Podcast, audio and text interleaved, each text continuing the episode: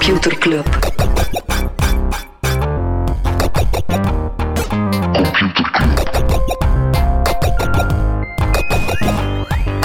Computer Club. Hey Smolly, Hey Freddy, welkom. Welkom terug. welkom. Welkom bij Computer Club, een wekelijkse podcast over technologie. Iedere aflevering selecteren Freddy en ik een interessant artikel en presenteren een feitje. Mijn Smolly zat niet goed. Ik weet niet. Waarom? Ik, weet ik, voel, het, ik voel het niet helemaal. Deze smolly zit wel goed. Nice. nice. Ehm, maar op een uh, serieuze noot, ja, helaas, conflict in Oekraïne nog altijd, nog altijd aan de gang. Dus ja, daar eh, gebeurt natuurlijk heel wat, ook, ook op techvlak. Dus we moeten het er wel even over hebben. Dus dat gaan we doen. Ja. Maar dan gaan we dat straks ook wel over andere dingen praten. Gelukkig is er nog meer dan enkel het conflict daar. Maar wat is er allemaal gebeurd op techvlak? Goh, heel wat techbedrijven hebben hun activiteiten in Rusland opgeschort. Netflix, PayPal, Adobe. Ehm, ja, heel Alle belangrijk. game, gameverkopers en zo. Eigenlijk, ja, elk, Iedereen. elk westers bedrijf is daar gewoon aan het, eh, aan het vertrekken. Cogent Communications, een van de grootste internet backbone providers, dus eigenlijk wat de, de ruggengraat van het internet, die gaan niet meer werken voor Russische operatoren. Dat is nog wel wat belangrijker. Waardoor dat het internet in Rusland trager gaat zijn. En Rusland die gaat binnenkort zelf enkel Russische DNS-providers gebruiken. Ja, maar in- hetzelfde kader, eh, er zijn ook heel wat bedrijven die gaan stoppen met onderdelen leveren. Onder andere Samsung zijn chips, die gaan Mhm. niet meer aan Rusland leveren. Wat wel problemen gaat geven, onder andere voor Yandex, een beetje de, de Google van, van, van Rusland.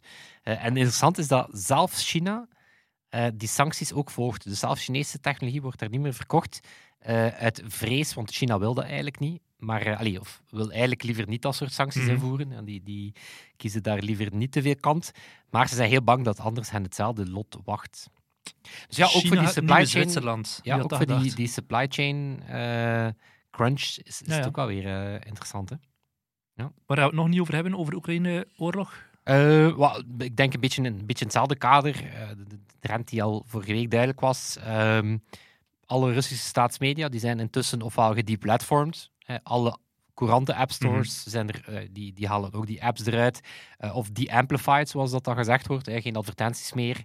Eh, Rusland die hebben zelf de meeste sociale media geblokkeerd. Dus dat is, was al een tijdje aan de gang. Ehm, Rusland wordt ook uit FIFA gehaald, het spel. Niet de organisatie. Wow, oké. Ja, dat, is, dat gaat pijn doen, hè? Ehm, die vier mensen die altijd Rusland kozen als ploeg op FIFA. Wat heb ik ook gezien? Eh, onze vriend Moxie Marlingspike, man van Signal, eh, die waarschuwt, ja, Telegram wordt daar natuurlijk massaal gebruikt ehm, om met vrienden en familie te coördineren. eh, bewoners die samen afspreken, ja, dat is gewoon ook een beetje de, de communicatie-backbone. Maar daar waarschuwt uh, Marlingspike terecht van, in tegenstelling tot wat iedereen denkt over Telegram, is dat geen geëncrypteerde app. Die zit wel een Telegram-chat Ukraine IT Army, waar ze met 200.000 man telkens DDoS aanvallen en zo coördineren. Heel, heel interessant. interessant om een keer te volgen. Ehm, ook interessant is, eh, is Airbnb. Dat heeft ook denk ik nieuws gehaald. Die gaan behalve heel wat eh, ja, gevluchte Oekraïners onderdak geven, Mhm. eh, is er ook een soort nieuwe donatieflow ontstaan, waarbij dan mensen Airbnb's boeken ehm, zonder dan Ja. te gaan. Ehm, Airbnb is in Oekraïne boeken, inderdaad. ja, en Airbnb die laat dan de fees vallen. Dat is niet de eerste keer dat ze dat doen. Bijvoorbeeld mensen die vluchten van bosbranden, orkanen, vluchtelingen uit Afghanistan, ja, die, die, die kunnen dan Airbnb's boeken zonder dat eh, die gast of die host daar kosten voor betaalt. Eh, maar er wordt ook gewaarschuwd dat dat niet zonder gevaar is. Heel wat scammers Ja, en- maken natuurlijk nu Oekraïnse Airbnb's aan. Dus mensen die op die manier steunen, kijken toch best eens van die host bestaat die al lang. ja, eh, het is niet, misschien, eh, misschien niet meteen ook de meest efficiënte manier om geld bij de allerarmste mensen terecht te brengen. Maar het is, het is ja, En dan nog een laatste. Eh, remember die, student achter de Twitter-account at ElonJet? ja, dus die, Ja, die de, de private jet van Elon eh, Musk eh, volgde. Wel, die volgt, diezelfde student volgt nu de locaties van jachten van Russische ah, miljardairs. nice. Want ja, die zijn natuurlijk ook allemaal... Deze zomer waren ze op reis en dan zagen ze een groot jacht. Je kunt dat allemaal opzoeken. Hè, Mhm. van, van wie is dat? Waar gaat dat naartoe? Nummerplaatjes kennen. Ja, dat is echt zo'n nummerplaat en, en, en welke haven ligt die, ja, Uh-huh. van waar komt die. Maar weet je, bij een boze Elon krijg je zo een, een ja, een, een kwaai tweet, een tweet terug, maar een boze Russische miljardair, ja, ik weet het niet. Denk dat die student misschien wel even eh, gevaarlijke Twitter-accounts aan het... eh, Top. Ja. Wel interessant dat je zegt van de fees vallen weg. Uber die doet dat ook soms. Hè. Uber, om even de brug te maken naar de echte aflevering. Uber, die, als er een, een bomaanslag of whatever is, dan zeggen ze we gaan de fees gewoon weglaten. Want anders iedereen wil met, meteen in een Uber springen om weg te rijden. Zeggen ze we doen de fees gewoon weg. Uber die zegt nu dat het aantal ritjes bijna terug zit op het niveau van voor corona. Is dat uw, eh, uw, was uw mijn echt stuk of is Nee, dat nee, nee, uw non-nieuws? Dat was mijn non-nieuws. gewone non-nieuws. De Segway had gewoon een non-nieuws. Zeer, zeer, zeer elegant. Mag ik eh, verder rijden? Tuurlijk. Eh, een beetje nieuws uit eh, Autoland, uit EV-land. Sony en Honda die gaan eh, samenwerken. Dus Mhm. Sony is al langer een soort, ja, wil zich als een soort technologiepartner opgooien voor, voor elektrisch rijden. Ja, wat hebben ze daar te zoeken? Ja, heel wat beeldtechnologie voor, Mhm. voor autonoom rijden, batterijtechnologie. Ehm, Ford die gaan de grootste hervorming doorvoeren uit hun geschiedenis. Beetje hetzelfde, net zoals dat ze de, met de Model T Mhm. ja, hun productie helemaal eh, herzien hebben. Eh, het bedrijf eh, splitst zichzelf op. En dat wordt enerzijds Ford Blue, wat dan zo de gewone auto's zijn, en dan Ford Model E. Maar waarom geen Ford Red of Ford Green? Blue is omdat dat zo het klassieke Ja. Ford, weet je, het oude- Green. Ah, wat, nee, Model E is de green Ja, ja. kant. Ja, oké. Ze hebben een smolly van We hart. gaan een workshop komen geven. En dan anderzijds Intel, die hebben een eh, zelfrijdende divisie, Mobile Eye, of beter gezegd, zelfrijdend bedrijf uit die groep. Eh, die gaan naar de beurs. Een zelfrijdend bedrijf. Zelfrijdend, echt gezegd, Ja. zelfrijdend bedrijf, ja, oké. bon. Ze zijn zelfrijdend, want ze gaan op hun, op hun alleen eh, naar Wall Street Alright. rijden. Wall Street, veel geld moeten verdienen. En de NFT-markt, dan weer niet. En die is helemaal aan het afkoelen. De gemiddelde prijs... Ik had hem ook, ik had hem ook. bam, de gemiddelde prijs van NFT's ligt nu onder de 2000 dollar en het komt van meer dan 5000 dollar in januari. Ja, en de dagelijkse verkoop is al met 83% gedaald. Ik zit er nu allemaal aan Board Apes. Ja, ik zit hier helemaal mijn naam. Ehm, eh, wel interessant, ik las een stuk eh, uit de New York Times over eh, ja, zo'n beetje de toekomst van Twitter. Ik ga die misschien opsparen, dat is misschien Ah, ja. echt wel nog een goed artikel. Maar daar stond erin dat in december 1,2% van alle tweets gingen over NFT's. 1,2%. Zot.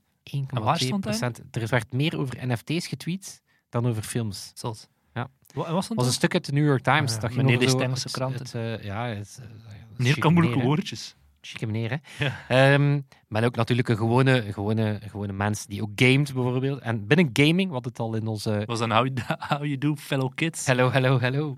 Eh, ik had hem al in het clubhuis gedropt. Ehm we hadden het eerder al vermeld. Ja, Amazon die waren een beetje aan het sausen als het ging over hun games. Eh, Amazon Games die hadden nog niet echt eh, grote potten gebroken. Wel, die hebben nu, na New World, wat een titel is die ze zelf gemaakt hebben, met Lost Ark, eh, hun tweede grote hit te pakken. Ehm, meteen de tweede meest populaire titel op Steam ooit, na Player Unknown, eh, Player. Unknown Battlegrounds. Zotte? Ja, ja. Dus ja, die, die, die hebben ergens wel een mojo gevonden. Cool. Zal ik zelf segwayen? Ben, Ja, maar ik heb, ik heb niets meer.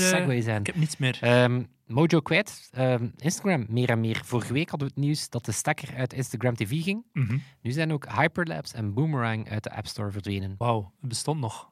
Ja, maar die zitten intussen in de main app, dus die zijn er, die zijn er zo wat uit. Eh, ga, ik moet het toch nog even kwijt. Jan fucking Jambon en zijn Twitter-account. Toch echt Geniaal. zo- Geniaal. Ehm, we hadden er een interessant gesprek over, onder andere ook in, in het clubhuis. Dat ging dan over, ja, hoe ernstig is dat? En ergens is dat oké, het is maar de Twitter-account. Dus het Twitter-account van Jan den Bon was gehackt voor zeker 24 uur. Het heeft echt lang geduurd. Hè? Ja. Dus, dus die Twitter-account was gehackt, denk meer dan 24 uur. En die persoon die dat gedaan had, was hilarisch, want die zat voortdurend... Wel, één wel zo wat misleidende dingen, COVID-safe afgeschaft, maar dan ook ja, dingen waarvan dat je duidelijk was had... maar mopke en was maar ook, er zat op een gegeven moment ook terecht eh, artikels over two-factor authentication eh, te pluggen. Eh, en daar komt het op neer van, oké, het is maar de Twitter-account, maar Ja, dit is wel de man die, Die kan alle land, DM's ook lezen. die, die verantwoordelijk is voor de veiligheid van ons land. Mhm. Dus het feit dat die al zeker sukt in zijn eigen hygiëne als het gaat rond zijn eigen veiligheid, dan weet je ook van wat weet die, hey, wat, wat gaat was die... zeker een boze quantumcomputer. Ja, ja, een, een evil Noord-Koreaanse hacker. Nee, Jan. Kies een beter wachtwoord. Zet uw factor in en leent uw account niet uit aan whatever medewerkers of ex-medewerkers. eh, Ja. typisch, typisch. Sowieso nog een oude stagiair die er ook gewoon op kon. Eh, nog eentje om te af te leren. We Ja. hadden, we hadden in de nieuwsbrief hadden we het al over de rechtszaak tegen eh, Elizabeth Holmes. Intussen ook eh, veroordeeld voor eh, eh, ja, de fraude die ze met de Theranos gedaan heeft. Deze week begint de rechtszaak tegen Sunny Balwani. En dat is haar ex-wederhelft. Dat was eigenlijk een beetje de man op wie dat zij de schuld zag. Zei van, kijk, ja, die heeft mij eigenlijk het slechte pad op geholpen of, of, of, of bijna verplicht om dit te doen. Ook heel, ja, heel opvallend dat ze ook niet samen terecht stonden. Dus Mhm. twee aparte zaken. Dus deze week start het tweeluik, Voor wie het tweede luik, gelezen heeft, Bad Blood. Absoluut aanrader. Thriller. Smolly, Ja, tijd voor de podcast. Tijd voor de echte podcast. echt podcast. Ik wil het eh, even hebben over het spreekwoord kennis is macht. Voilà. Voilà, dat is Nee, absoluut ja. waar. Bij weinig mensen komt dat zo tot uiting als bij Wikipedia-moderatoren. Zeer slimme mensen die eh, zeer veel macht hebben. Er zijn 4000 Nederlandstalige bewerkers, van wie dat er 200 zeer actief zijn. Dus een zeer select groepje aan mensen die echt moderatie doet op, op Wikipedia. En er is een dataonderzoeker, Joris Veerbeek, die heeft samen met Wikimedia Nederland, Wikimedia, dus een onderzoek gedaan, eh, onder andere via een enquête onder 288 actieve gebruikers van Wikipedia. Dus dan verscheen een heel mooi artikel in de Groene Amsterdammer over die resultaten. En dan zit hij mij te zeggen dat ik de New York Times lees. Ja, maar dat is een taal dat ik begrijp. groene, Amsterdammer. Eh, intellectuele grachtengordel-elite. Nee, maar daaruit blijkt onder andere uit die enquête 12% van de Wikipedianen, dus mensen die moderator zijn, eh, die hebben autisme. Dat is meer dan het aantal vrouwen dat, eh, dat 10% is. Even gestoord, de hand van God kwam hier binnen. Ik weet niet wat er gebeurde of wie dat was. Maar... Oké, dus 12% van de Wikipedianen heeft autisme. Dat is meer dan het aantal vrouwen, dat 10% is. Slechts 3% heeft een niet-westerse migratieachtergrond. Dus ja, het zit- de moderators op eh, Wikipedia zijn zoals altijd oude witte mannen. En eh, de strijd die wordt steeds bit- bitsiger. Ik weet niet of je ooit al iets hebt wie, wie is er beter geplaatst om... om te oordelen over de waarheid dan oude blanke mannen? Ja, We doen het al de hele geschiedenis. Ja, het is dat. Maar de strijd ook, als je ooit iets aanpast op Wikipedia, dan zal je zien, dan wordt heel snel ja, word je teruggefloten door zo'n moderator. En die strijd die wordt steeds bitsiger. Het aantal anonieme persoonlijke aanvallen die is gestegen. Het is gewoon echt mensen die gewoon zitten trash talken. Hè. In die, in die, Ja, maar we hebben, er al, we Moderatievakken. hebben er al stukken over gedaan. Hè? Over zo die, die Wikipedia Wars. ja, de dat war dan- edit, edit wars. Edit Ja. Wars, ja. Waar Ja. dat er zo van die controversiële dingen over is. Die tempel dan... Ja, en dat toch gewoon echt letterlijk met scheldwoorden is als idioot en kanker en dat soort dingen. Dus 5% al aantal, aan- aan- aantal anonieme persoonlijke eh, aanvallen. Onder geregistreerde gebruikers daalt die wel een beetje. Maar vrouwelijke gebruikers, ja, het zal niet verwonderlijk zijn, die ontvangen 30% meer persoonlijke aanvallen dan de mannelijke gebruikers. En ik vind dat wel tof. In de Groen Amsterdam zijn ze dan een aantal mensen gaan interviewen, waaronder een 62-jarige die een half miljoen bewerkte lemma's heeft.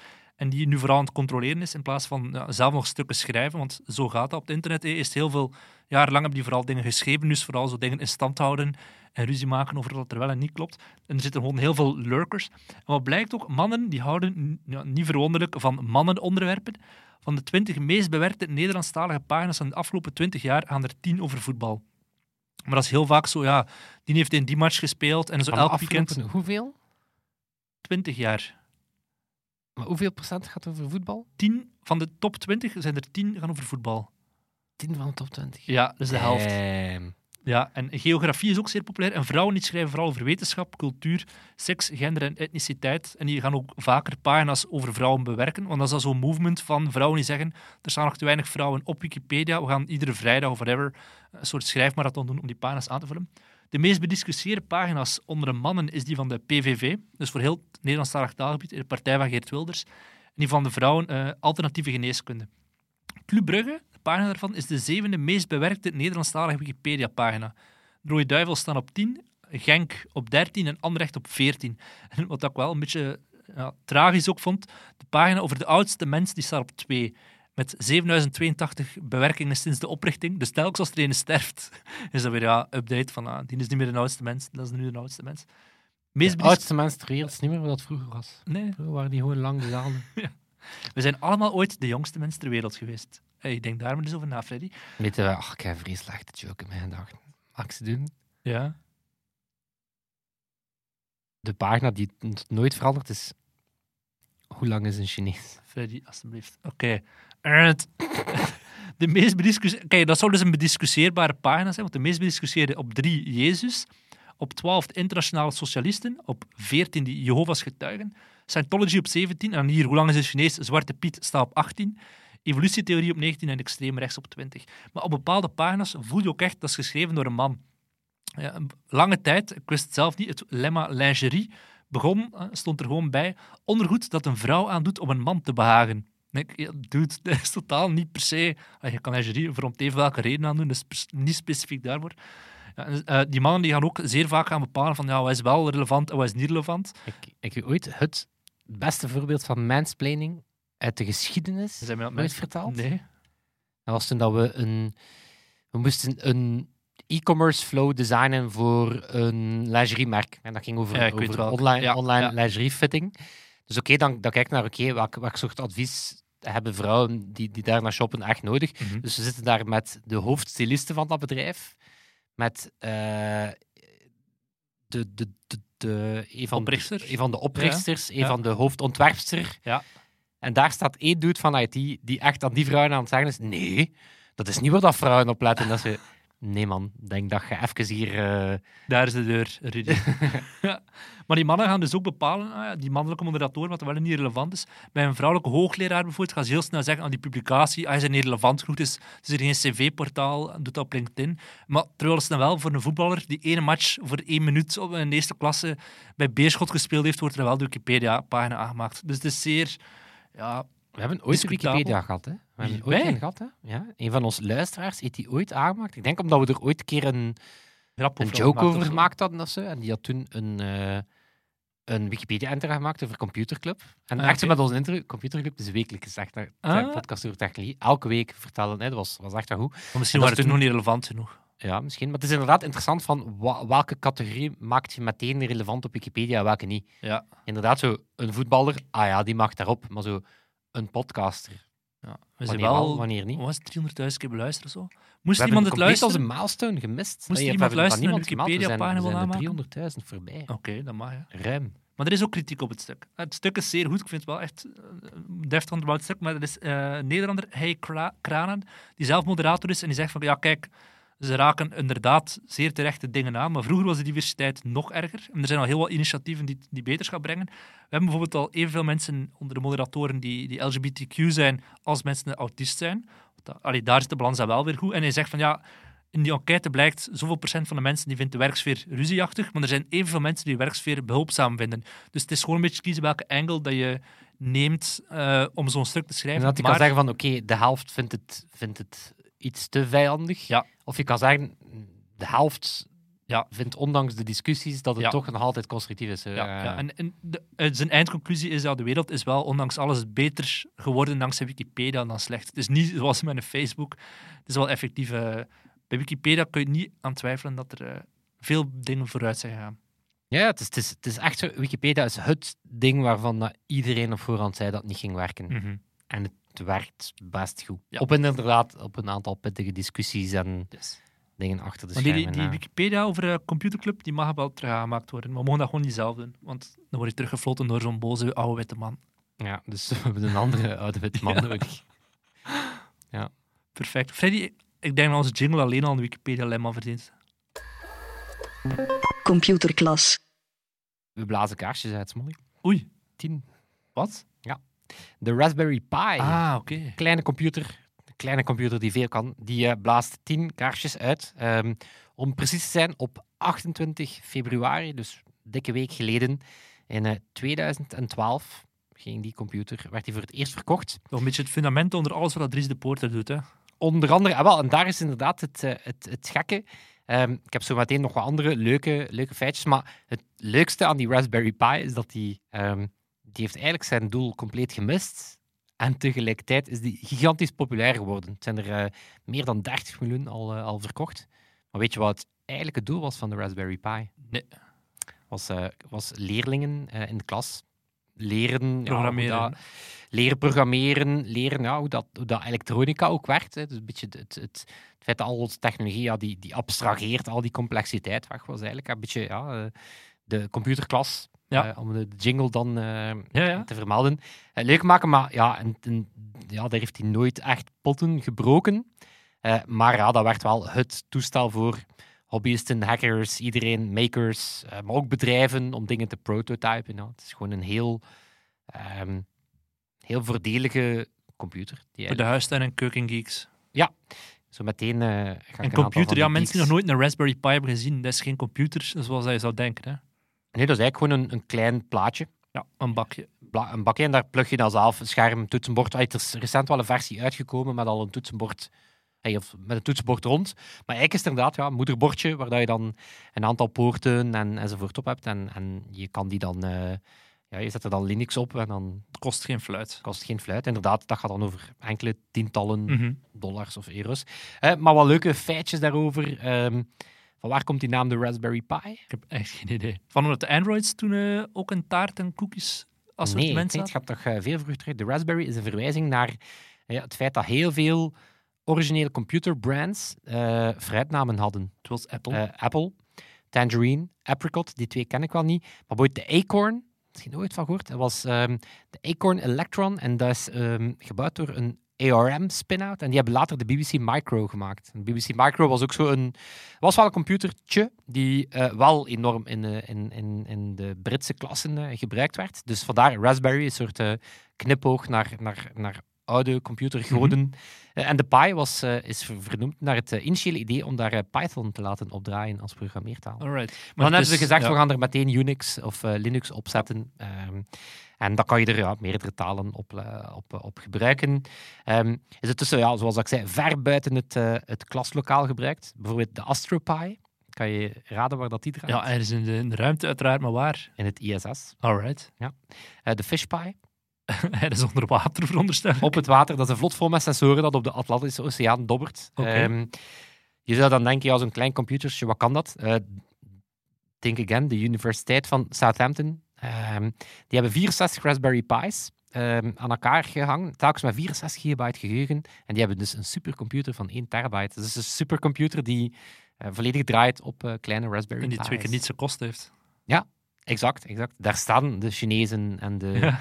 En zo dan met duur computers. Maar we hebben het eens in het clubhuis gevraagd eh, aan de, ja, laten we wel eerlijk zijn, daar zitten wel wat geeks. Het zijn Mhm. onze geeks. Maar het zijn wat geeks van, ja, waarvoor gebruiken jullie dat? Dan heb je bijvoorbeeld Yves, die draait daar zijn Plex Media Server op, eh, zijn, zijn home eh, entertainment system.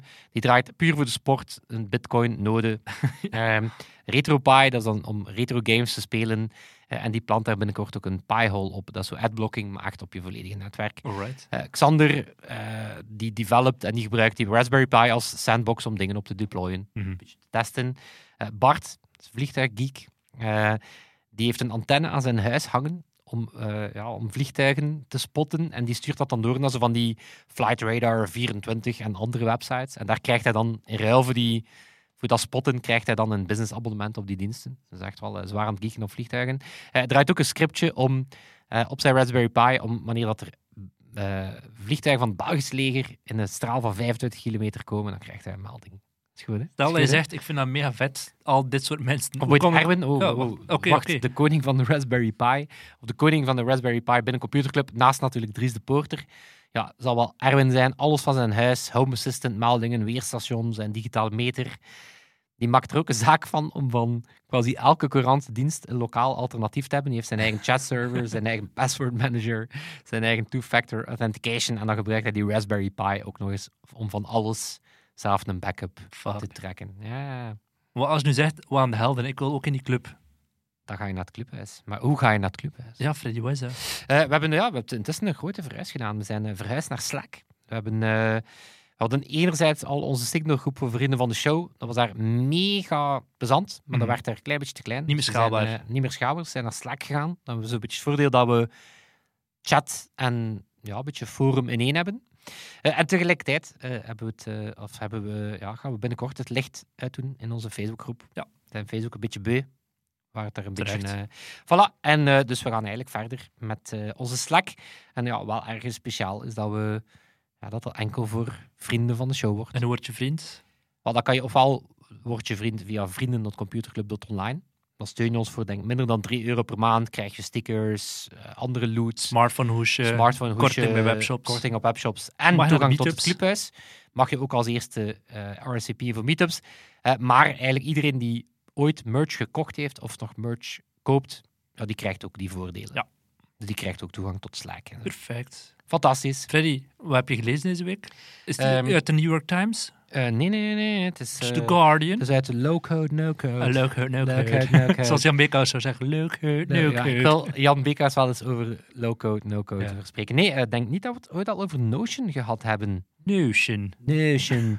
Eh, Notion, ehm, ja, die hadden vorige week een blok-by-blok conference eh, en die gaan de bedrijfsmarkt gaan eh, veroveren, of die Mhm. willen meer en meer naar grote bedrijven gaan. Eh, maar daarom, ja, niet oninteressant. Ja. Wat is een eigenlijk soort Notion? confluence. Ja, wat is Notion? Ja. Wat maakt dat zo zot? En wat maakt, ehm, ja, hoe gaan ze die sprong naar grote bedrijven zetten? Of, of wat maakt dat extra uitdagend voor hen? Eh, en dan nog afsluiten met een klein stukje over ja, het belang van tools bij de keuze van je werkgever. Ehm, maar dus was eigenlijk de kern. Notion is een soort. Ja, het, is, het duurt even eer dat je Notion snapt. Is, het is een soort kruising tussen documentatie en notes. Dus het is eh, Notion, een note-taking app. Maar je kan er ook meteen to-do's en projectmanagement mee doen. En je kan er eigenlijk zo kleine workflows mee bouwen. Ja. Dus Dus een sandbox. ja, het is eigenlijk een, een blokkendoos. Hè, vandaar ook die blok by blok, hun conferentie. En blocks, wat eigenlijk de, de kern is van Notion, is je voegt informatie toe. En diezelfde informatie die kan je dan op heel wat andere plekken gaan tonen. En je kan het niet gewoon tonen, je kan daar... Je kan zeggen van oké, toon die info in een tabel of maak daar een kanbanbord van, waardoor Mhm. dat ik die info kan Ja. sorteren. Hè. Dus een aantal voorbeelden, misschien om dat concreet te maken. Ehm, je kan, stel dat je recepten in je Notion bijhoudt, dan kan je zeggen, oké, ik maak een recept met allemaal categorieën. Kan je daarop en zo, zoeken, ja. taggen, kan je zeggen, oké, toon mij alle recepten voor een voorgerecht die vegetarisch zijn. Maar je zou ook bijvoorbeeld kunnen zeggen, eh, je hangt daar datums aan en dan kan je een andere view maken die zegt, oké, plot is op een jaarkalender wat ik wanneer gegeten heb of wat Mhm. ik wanneer ga eten. Of bijvoorbeeld de computerclub shop, om het dan heel concreet te maken, dan heb ik één database ja, zo, met alles in. En daar staat in, oké, wanneer is dat besteld, wanneer is dat aangekomen, wat is het, welke maat, welk model, naar wie gaat het? En welke stickers heeft die persoon gekregen bij die bestelling. Waardoor dat ik ja, eigenlijk vanuit diezelfde Notion kan ik dan zeggen, oké, toon me eens hoeveel patches dat er nog zijn, eh, toon mij welke stickers dat deze persoon al gekregen heeft. Dus eigenlijk diezelfde lijst kan ik op tal van manieren... Of stel dat je een boek schrijft bijvoorbeeld, kan je Mhm. echt zeggen, een, een, een boek met leuke weetjes, kan je zeggen, oké, je kan de weetjes schrijven, maar je kan die dan ook meteen in tabellen steken Ja. van, oké, welke zit in welke Ja. fase. Dus het is, het is dat, het is een soort kruising. En ja, net omdat het, ehm, eens dat je het in de vingers hebt, ja, kan je er heel veel mee doen, waardoor dat...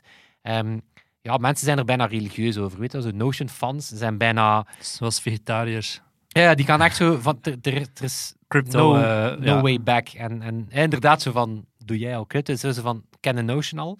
Ehm, en Notion speelt daar ook handig op in. ehm, omdat het... ehm, het is een heel mooi voorbeeld van wat ze product-led growth noemen. Mhm. Waarbij dat je, je investeert bijna niet in gewone marketing, maar je gaat gewoon zorgen dat je Product zo goed is. product zo Ja. goed is dat mensen het leren kennen. Bijvoorbeeld alles van Notion kan je ook meteen publiek zetten. Je kan elke Notion-pagina kan je publiek sharen en mensen kunnen dan ja, daar ook aan samenwerken. Dus heel veel mensen leren het op die manier kennen. Maar ook, ehm, er zijn bijvoorbeeld heel wat mensen die geld verdienen door templates te maken. Eh, die mensen kunnen vanaf nu trouwens Notion certified worden. Ah, ja, soort, eh, eh, of mensen die bij hun bedrijf ehm, ja, Notion echt wel in, binnenbrengen. Ja, die kunnen vanaf nu Notion champions worden. Eh, over product-led growth, kleine shout-out naar onze vrienden van Tally. Onze Marie en collega's. Marie en Philip, eh, die ja, een soort formbuilder maken. Ook perfect voor van product-led growth. Die Mhm. moeten niet, die zorgen gewoon dat ze een heel goed product hebben en dat die Sterke fans community, van dat ja. product eigenlijk een community bouwen. Ehm, en het interessante is dat ehm, ja, Notion die wil nu ja, meer in, eh, in grote ehm, Bedrijven. bedrijven Ja. binnen. Het is een mooi voorbeeld van wat ze Shadow IT noemen. Weet je, zo de strategie, wat ook Slack bijvoorbeeld heet, of Trello. Wat doen die? Hey, weet je, gebruik het. Gebruik het gratis. Met wat collega's. Mhm. En dan natuurlijk, oké, bepaalde functionaliteit, die ga je achter, eh, achter een, een, een premium account zetten. Maar er eigenlijk- zo'n system engineer met een paardenstaart in een kelder zit te roepen van wat is dat nu voor een ja, nieuw en dan, systeem? dan ga je Ja. kijken van, oké, misschien moeten we eens babbelen over licenties. hè? Slack. Slack laat het, laat, doet het ook zo. Dus Notion gaat daar nu ook wel eh, wat op inspelen. Ze gaan bijvoorbeeld zorgen dat hun UI beter wordt voor ja, heel wat verschillende teams. Nu heb je zo elke workspace is een beetje een eiland, wat Ja. niet heel handig is als je bij wijze van spreken een aantal departementen hebt. Ze gaan ook een API eh, nog meer toegang daartoe geven, zodat die ook met andere tools kan inklikken. Ehm, maar dat is sowieso wel een sterkte van die Notion, is dat die eh, in die low-code sfeer. ehm, low-code tools zijn dan eigenlijk zo ja, tools waar dat je heel makkelijk ja, brugjes met andere tools mee kan bouwen. Mhm. Weet je, dus tools waar dat je met heel beperkte te- technische kennis eigenlijk al die tools aan elkaar kan lijmen. Dus Notion ja, is, daar, is daar een van de ja, darlings in die Mhm. sfeer. Eh, waardoor dat je alles, hè, die teleforms kan je dan laten toekomen Ja. in Notion. En je kan diezelfde Notion dan gebruiken om een website mee te maken. En Je kan die Notion dan doorsturen naar een ander CRM-systeem, Ja. et cetera, et cetera. Ehm, en interessant, binnen die Shadow IT eh, zegt Gartner, dat is het bedrijf die dan bedrijven helpt met technologisch advies, die zeggen dat ze sinds de 2019 dat er 10% meer ehm, tools gebruikt worden die eigenlijk niet toegelaten zijn door IT. 10% meer, eh, 10% Ja, ja. stijging. Dus het is niet dat er 10% nu echt gewoon, dus, dus dat is echt wel. Ehm en Protocol die had een interessant artikel. Ehm, en die titel zegt alles: How workplace tools are becoming job deal breakers. Mhm. Hè, dus dat begint met iemand die zegt: Ja, ik moest solliciteren voor een nieuw job. En dat was in Microsoft Teams. ja, En ik dacht: Het hoeft dan niet meer. Dus inderdaad. dat is vrij. eh, Oké, dat is nu wel hardcore. Echt zeggen van: Oké, als. Teams is, dan, dan kom ik niet. Of als Outlook is, dan kom ik niet. Ehm, maar wel zo ja, in de Great Resignation, hè, waarbij dan mensen meer dan ooit ja, op zoek gaan naar een job die beter bij hun way of working past. Ja, speelt, eh, spelen hippe tools natuurlijk ook mee. Hè. Als, je, als je als bedrijf ja, niet op Slack zit, of je gebruikt geen Figma, of je gebruikt Teams en niet Zoom, ja, dan, Mhm. dan ben je iets minder cool. En dan gaan mensen ja, bijna zeggen van oké, die tools, ik vind, ze, ik vind ze niet nice. Ja. Ik switch wel. Moest een project manager, een copywriter of een designer op zoek zijn naar een job? Wij gebruiken Notion, Slack, Figma, alle hippe tools. Hartstikke.be. Even pleun. Even pluggen. Wanneer al, wanneer al van alles, wanneer al van alles geplukt. ehm. ik zou ook nog een, eh, een, eh, een plug doen naar onze amigo's. Yes, absoluut. Bastiaan en Toon. Toon die deze week de edit doet. Ook alle vri- al onze vrienden van de show. En dat is, ja, dat is sinds kort een nog veel grotere groep dan ooit. Het zijn honderden mensen. Mensen die ons Ja. eh, ofwel via vriend van de show steunen. Alle mensen over de jaren die onze, onze merch Merchandise gekocht hebben. hè? dragen, wat dat ook super cool is. Ehm, ja, dus die ook, eh, ook deel zijn van onze, van onze community. Natuurlijk ook iedereen die luistert. En dan hopen we... En onze vrienden van eh Teamleader mogen ook niet vergeten te bedanken. Hè? Ja, want eh, volgende week gaan we daar eh, bij hosten ze ons, geven ze ons natjes, droogjes en een groot scherm om samen naar een super geeky documentaire te kijken. Het zijn de laatste plekjes. Ze zijn bijna volzet. Onze vrienden kregen daar als eerste de kans toe. Dus je kan iedereen daarop RSVP'en. We zetten het in de show notes. Yes, En dat zal het zijn. Tot volgende volgende week. week. Yo. Yo.